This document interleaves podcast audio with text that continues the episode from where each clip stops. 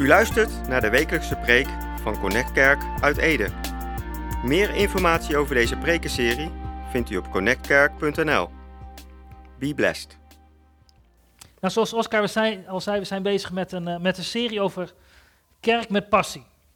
En eh, Oscar was begonnen om eigenlijk uit te leggen, de kerk, dat was Gods idee. Het is zijn initiatief, het is zijn plan. Het feit dat we hier bij elkaar zitten is niet iets wat we zelf bedacht hebben, maar het was, was Gods plan. Uh, daarna heeft Korstian iets verteld over kerk en discipelschap. Hoe kunnen we elkaar vormen en hoe groeien we samen als, als christenen, maar ook, als, als, als mens, als burgers uh, van Gods koninkrijk. En, en, en, kunnen we daarin groeien. En uh, vorige week Oscar gesproken over de kerk als overwinnaar. Er is een geestelijke strijd, maar Jezus we kunnen overwinnaar zijn. En eigenlijk dit past binnen het thema waar, waar, we het hele jaar al over hebben. Ik ben de, de wijnstok en u de ranken. En daar heb ik een mooi, een, een, mooi plaatje bij. Dus die, uh, als die op de beamer mag, uh, mag komen. En ik zag deze, deze spreuk, samen kerk, samen sterk. En als je zo deze, deze druiventros ziet, is een, een druif staat niet op zichzelf. Een, een, een, sinaasappel groeit redelijk alleen, maar een, een druif groeit in, in, in, in een groepje, in een tros. En ik geloof zo als kerk, he, zijn we als het ware een druiventros. We zijn niet op onszelf, maar we zijn samen. En dus ook wel mooi om dit, om dit te zien, zo hier verschillende hoeken, uh, verschillende ruimtes. En we zijn kerk, zijn samen. Het is niet één iemand die hier iets vertelt uh, op het podium hoe het zit, maar we zijn samen kerk en we kunnen leren van elkaar. En dan wil ik nog eens even kijken naar die, naar, naar, naar, die tekst. we hebben net al even op, op het scherm gehad voor degenen die, die, die, die hier zijn blijven zitten. Efeze 2, vers 19 tot 22. Daar wil ik even naar gaan, gaan kijken. En het zegt er, zo bent u dan niet meer vreemdeling en bijwoners, maar medeburgers en van de heiligen en huisgenoten van God. Gebouwd op het fundament van de apostelen en profeten, waarvan Jezus Christus zelf de hoeksteen is. En op wie het hele gebouw goed samengevoegd verrijst tot een heilige tempel in de Heer.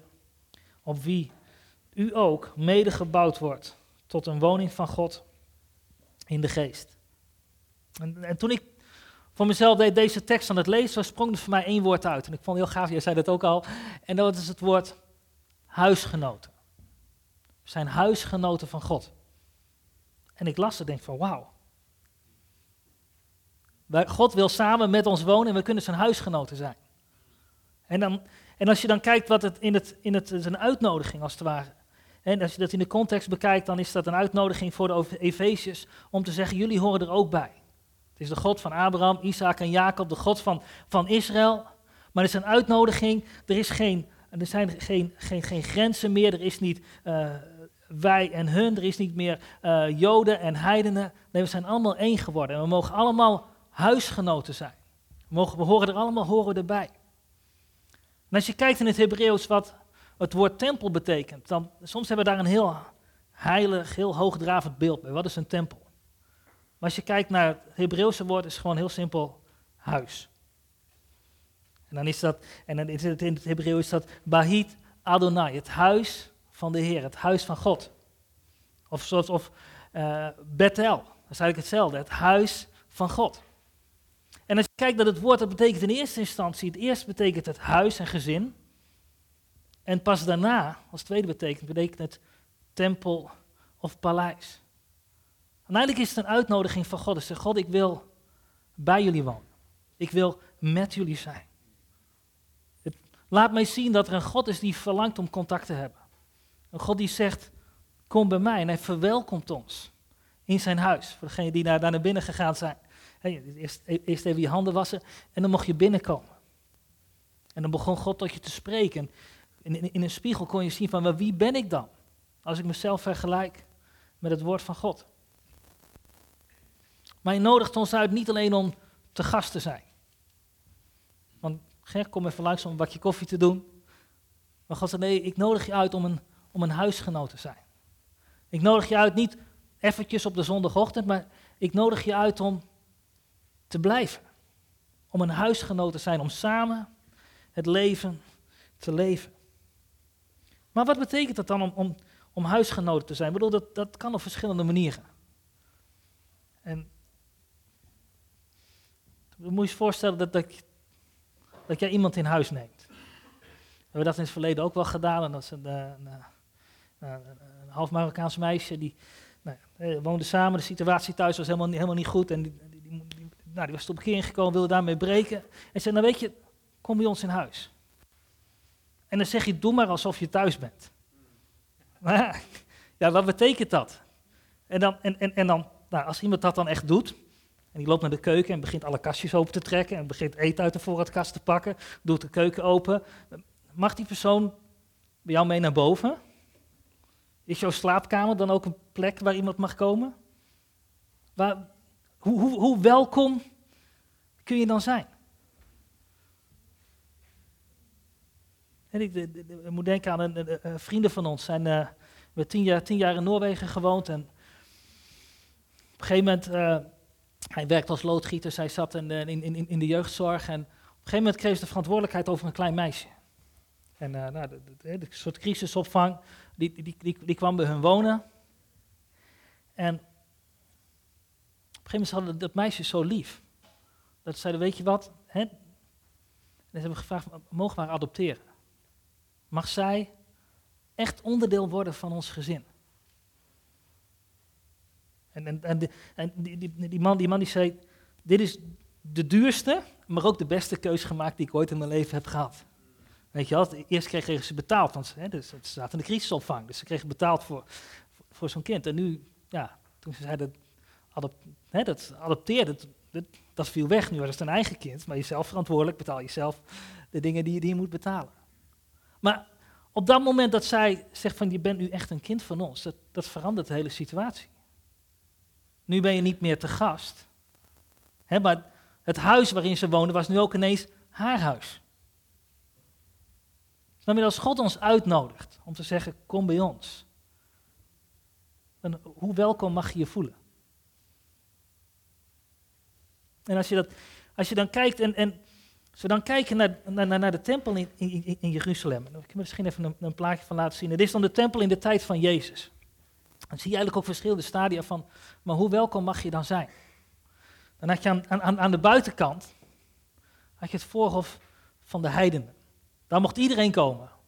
En je mocht in de buurt komen van de tempel, maar er was een, een muur eromheen, dus je kon niet naar binnen. Dat was jouw plek, zo dichtbij mocht jij komen. Dan was er daarna, als je dan binnenkwam, kwam je eerst op het voorhof van de vrouwen. Dan mochten vrouwen en kinderen ook komen. En daar kunnen we ons deze tijd niet zoveel bij voorstellen. maar daar mochten de vrouwen en de kinderen komen en dan moest je weer door een poort heen. En dan kwam je op het voorhof van de Israëlieten. Alleen Joodse mannen waren daar welkom. Dan mocht je weer een stukje verder komen. En dan was daar het voorhof van de priesters en de levieten. Die hadden dienst. Die, die hadden daar ook iets te zoeken, die moesten daar iets doen. Er staat daar het altaar, staat daar. Die mochten daar komen. Er was er weer een muur met een poort. En dan kwam je in de echte tempel zelf. Dan had je nog het heilige. daar is alleen de dienstdoende priester die op dat moment, of het wierook moest aansteken, die was daar welkom. En had je helemaal achteraan, daar was er een, een doek. En achter het doek, daar was het heilige der heiligen. Dan één keer per jaar mocht de hoogtepriester daar naar binnen. En dan in het heilige der heiligen was daar een, doos, de ark van het verbond, een kist. En in die kist zeiden ze, en daar woont God. En dan die hoge priester, die mocht één keer per jaar mocht heel dichtbij komen. de priester is nog iets dichterbij, maar, voor de heiden, die moesten toch op een afstand blijven. Maar, maar, maar hoe is dat nu voor ons? En eigenlijk als je kijkt naar die tempel in die tijd, was het eigenlijk een afspiegeling van hoe die maatschappij, of in ieder geval het, het, het religieuze landschap was daar. Heel erg in hokjes en in vakjes je nationaliteit of je geslacht of je, je, geestelijke rang bepaalde, in ieder geval in de ogen van, van, van de religieuze leiders in die tijd, bepaalde hoe dicht je bij God mag komen. Hoe welkom je mocht voelen in het huis van God. En in dat klimaat, in die tijd, komt Jezus. Jezus die zegt, ik ben, hè, zoals hij genoemd Emmanuel, God met ons. En het gekke is, terwijl de de religie, de, religieuze Mensen in die tijd dachten dat God nog in die doos woonde. Dat God in die kist zat. Dat ze hem netjes hè, in, in, in een afgesloten ruimte hadden gestopt. Daar is God. Daar is de aanwezigheid van God. Liep God gewoon in het midden. Dat is eigenlijk het En eigenlijk is God altijd al zo geweest. Maar mensen in die tijd dachten van, ja, maar God zit in die doos. Je kent misschien het verhaal nog wel dat uh, in het Oude Testament dat ze die ark mee gingen nemen naar, naar het strijdveld. Want als we die ark mee ons hebben, dan gaan we winnen. Dan gaan we de Filistijnen verslaan. En ze dachten, we kunnen God meenemen, want die zit hier in die doos. Maar God zei, ik wil bij jullie komen. Ik wil dichtbij zijn en God met ons. Jezus komt naar de aarde en hij laat zien wie God is.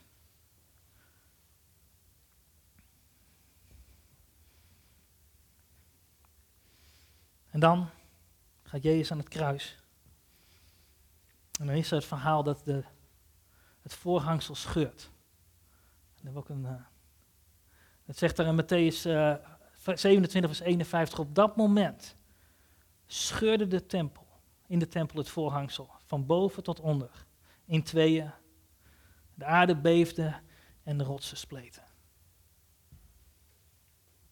Eigenlijk als, je, als ik dat bedenk in, in, in, in normale onze mensentaal, is dat God zegt, ik doe de deur open, als het ware bijna van de slaapkamer, van het, meest intieme deel van je huis. Datgene waar je het meeste thuis bent, waar je de meeste, als privacy hebt. Dat God zegt, ik doe de deur open. Je bent welkom. Dit huis is ook van jou. Kom binnen. En als je dan nog eens naar die tempel kijkt, hoe dat er dan uitziet. De volgende, de volgende plaatje, dan is dat, eigenlijk dan is het voorhangsel is weg.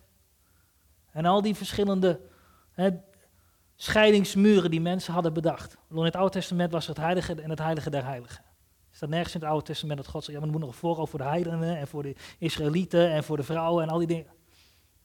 Waar de mensen hadden dat bedacht. En eigenlijk wat God zegt, de deur is open. Iedereen is welkom.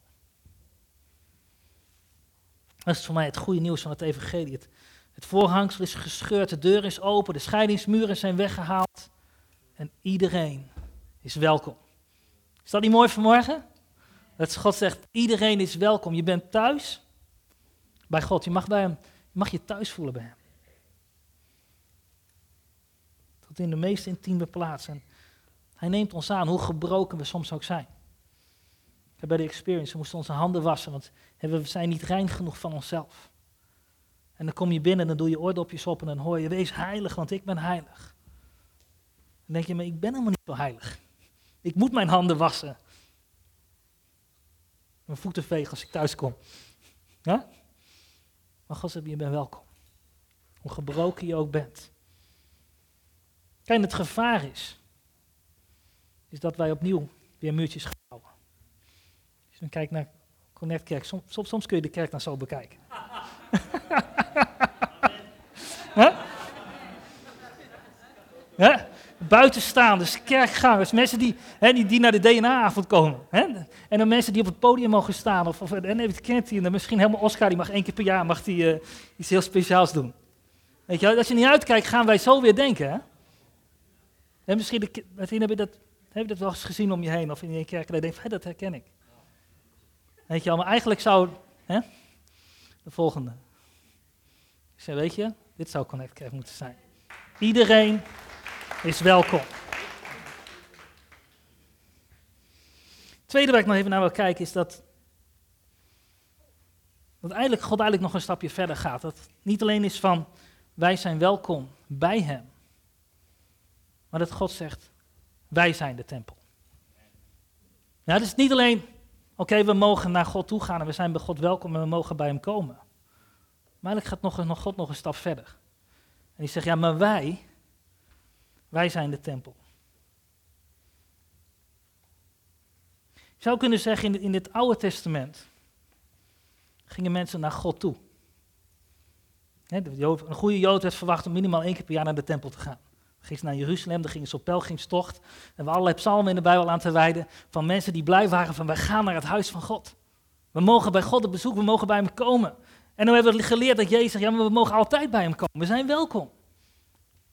Maar je zou kunnen zeggen in het Nieuwe Testament, komt God naar ons toe.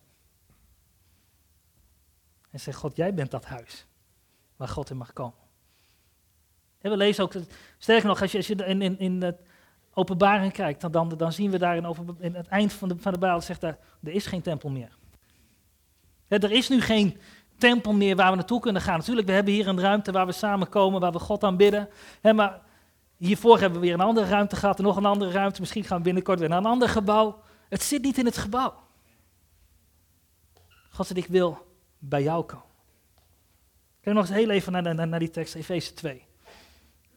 De volgende. Dan zegt dat wij worden medegebouwd tot een woning van God. Wij worden gebouwd. En in het Oude Testament, als God dan zijn intrek neemt in de tempel, dan gebeurt er iets. dan is dat heel zichtbaar. Dan, in, de, tabernakel komt dan die wolkolom komt er boven hangen. Dus en, in, de, in, de, in de nachten die, vuurkolom. En heel zichtbaar boven, die, boven de tabernakel was daar Gods aanwezigheid. Wanneer... Uh, en dan in, in, wat was er uh, in, in, in 2 Kronieken 7 vers 1, dan, dan is daar de tempel van Salomo. En dan komt God daar ook weer heel zichtbaar, komt hij daar, komt hij daar uh, bij ons wonen. Als als die tekst nog even mag. En zegt daar dat, dat de heerlijkheid van de Heere vervult het huis. Dus als God ergens binnenkomt, dan gebeurt er iets. En als jij zegt, mijn lichaam is een tempel en ik doe mijn deur open. En God mag binnenkomen, dan, dan gebeurt er iets in ons. Als het goed is. En dan zegt Jan Paul zegt erover, die, wat, wat betekent dat die, die glorie, die heerlijkheid die komt. En hij zegt, glorie is niets anders dan de imposante en indrukwekkende aanwezigheid van God. Als Gods hemelse atmosfeer op aarde openbaar wordt, dan komt zijn heiligheid openbaar, maar ook zijn liefde, zijn genade, zijn vergevensgezindheid. En dan komt de genezing, dan komt de bevrijding. En dat vindt allemaal plaats door de glorie van God. Als God komt, als God bij jou mag binnenkomen, dan gebeurt er iets. Ik las nog een andere definitie en uh, wat, wat dat eigenlijk doet. En dat zegt dat de heerlijkheid van God is zijn transformerende uitstraling en zijn krachtige aantrekkelijkheid. Dat zijn eigenlijk twee dingen. Als God binnenkomt, dan verandert er iets. En dat is, als God binnenkomt, dan, dan verandert dat iets in ons. Dat is de transformerende uit. En, en als, dat, als dat gebeurt, dan maakt dat ook aantrekkelijk. Dus als God komt wonen in gebroken mensen, ja, als wij, als, als, als wij bij God komen, als God bij ons komt wonen, dan, dan komt hij binnen in gebroken mensen. In mensen die hè, hun handen moeten wassen, die de voeten moeten vegen. En dan begint hij een proces. En als het goed is, worden we veranderd door Gods aanwezigheid. 2 Petrus 1 vers 5 is 2 Petrus 7 vers 1 tot 5. Ik lees het even uit het boek. Het is best, het is best een verhaal, maar dan zegt het, bevrijd u van alle gevoelens van haat en bedrog. Het moet afgelopen zijn met schijnheiligheid, jaloezie en roddel. Als het goed is, moet je als pasgeboren kinderen verlangen naar zuivere geestelijke melk. Dat wil zeggen naar het zuivere woord van het goede nieuws. Dan zult u groeien en in leven blijven. U hebt reeds ervaren hoe goed de Heer is. Ga naar Christus toe. Hij is de levende steen. Waarop God zijn bouwwerk neerzet. Hoewel de mensen hem afgewezen hebben, is hij voor God zo kostbaar dat hij hem uit alle anderen heeft uitgekozen. Hij moet zich door God laten gebruiken als levende stenen, waarmee hij zijn geestelijk huis bouwt. En dat niet alleen, u bent ook de heilige priesters, die door Jezus Christus zo veranderd worden, dat ze God geestelijk offers kunnen brengen, die voor hem aanvaardbaar zijn. Hier zegt God van, als God in ons komt, dan, dan, dan veranderen we, dan groeien we. Dan worden we gebouwd. En dan zijn we niet alleen de tempel, we zijn ook de priesters. Dat betekent dat wij offers kunnen brengen. Maar het klinkt mij ook als een hele pittige opdracht. Je zegt van ja, hè, hè, bevrijd je van alle gevoelens van haat en bedrog. Nou, doe het maar eens. En, en, en het moet afgelopen zijn met schijnheiligheid, met jaloezie en roddel. En, en, en dan kun je misschien voor jezelf denken, ja, daar kan ik nog wel heel veel dingen aan toevoegen, wat er allemaal moet veranderen in mijn leven. Weet je, en dan, dan, dan zegt God, deze gebroken mensen, die moeten priesters worden. Moet ik een priester zijn? Ik moet zelf gewassen worden. Ik moet zelf mijn voeten vegen. Ik moet zelf gereinigd worden. En dan denk je, dat kan ik niet. Dat is te veel. En maar God zegt, is, je doet het niet alleen. Een hele mooie bijbeltekst vind ik Filippenzen 2 vers, vers 12 en 13. En Paulus die, die, die, die, die probeert daar de, de, de mensen in Filippi probeert die, vergeet die aan te sporen. En hij zegt, daarom mijn geliefde, zoals u altijd gehoorzaam geweest bent. Niet alleen in mijn aanwezigheid, maar nu veel meer aan mijn, aan mijn afwezigheid. Aanwezigheid zegt dan, werk dan aan uw zaligheid met vrees en beven. Want het is God die in u werkt. Zal het willen als het werken naar zijn welbehagen. Hij zegt, wij moeten werken aan, terwijl we moeten actief bezig zijn. Hij zegt, maar God werkt in. dus het is, God werkt met ons samen om, en nou ja, we, we, zijn werk in uitvoering. We zijn, zijn, niet perfect, er moet nog een hoop gebeuren in ons leven, we moeten zelf gereinigd worden. Maar ondanks dat we niet perfect zijn, zegt God, ik, ben, ik wil toch bij jou komen. Kijk, in die experience hoek hoorden we een aantal, uh, aantal teksten uit, uh, uit 1 Korinthe 3.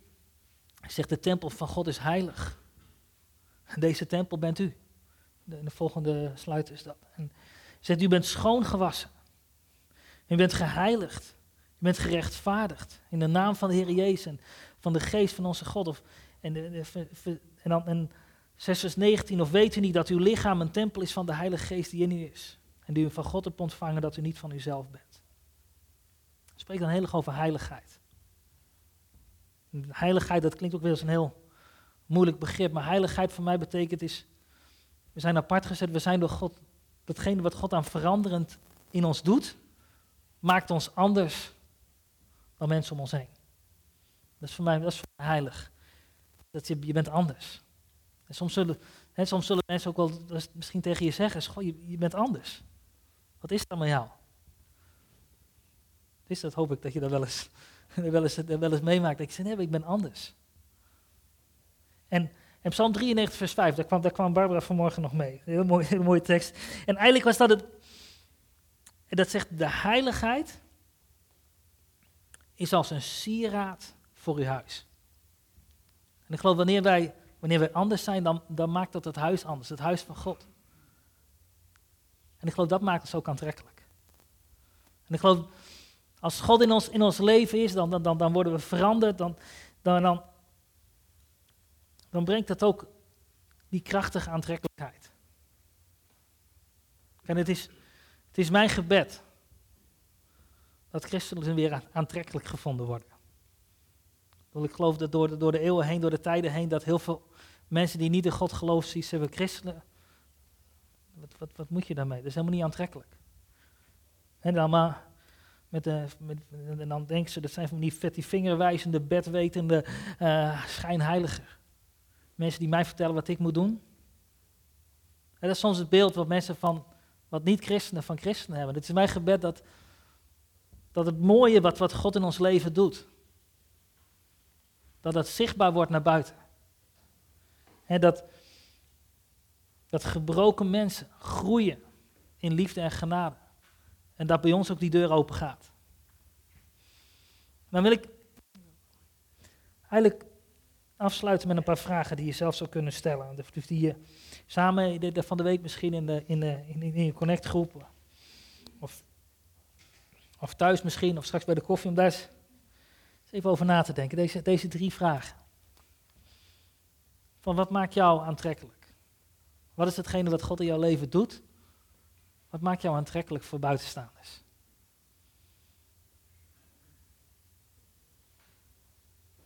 De tweede is, is, is in jouw leven. Heb jij dat voorhangsel in jouw leven ook gescheurd? Zeg jij mensen zijn welkom bij mij? Of hebben mensen het gevoel als je bij jou komt, dan, uh, dan moet je wel wat, wat, wat, tien keer je voeten wassen, je voeten vegen, je handen wassen. Maar, het, maar hoe, in hoeverre is jouw hart open voor mensen? En de derde vraag je over na zou kunnen denken is van, hoe zou jij verandering teweeg kunnen brengen in je leven? Hoe ziet dat eruit? Verandering in de omgeving, hoe, hoe ziet dat eruit? Wat zou je kunnen doen om, dat, om datgene waar, waar, we, wat, wat, wat we ervaren hebben, wat we gezien hebben. Dat, dat God zegt, je bent welkom. Dat God zegt, ik wil in jou wonen.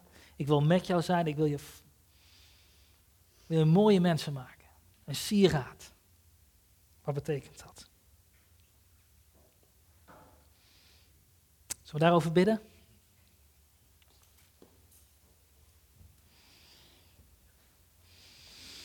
God, ik dank u dat u, dat u goed bent. Ik dank u dat u in uw woord laat zien dat u, dat u bij ons wil zijn.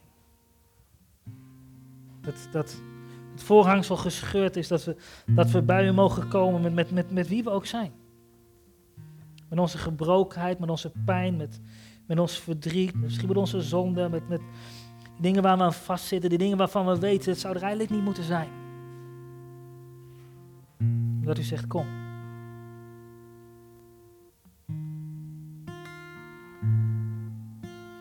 Dat u dan met ons aan de slag gaat. Dat u komt met uw, met uw schoonwassing. Dat u ons zalf met olie. Dat we weten dat we u mogen zijn.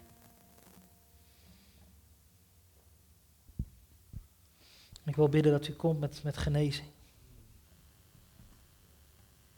Dat die plekken in ons leven die misschien verrot zijn,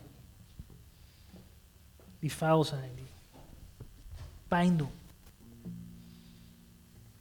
Dat u komt met uw genezing.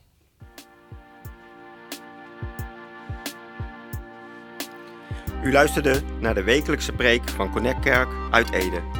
Meer informatie over deze gemeente en alle preken over dit thema vindt u op connectkerk.nl of bezoek onze Facebookpagina. Bedankt voor het luisteren en wees tot zegen.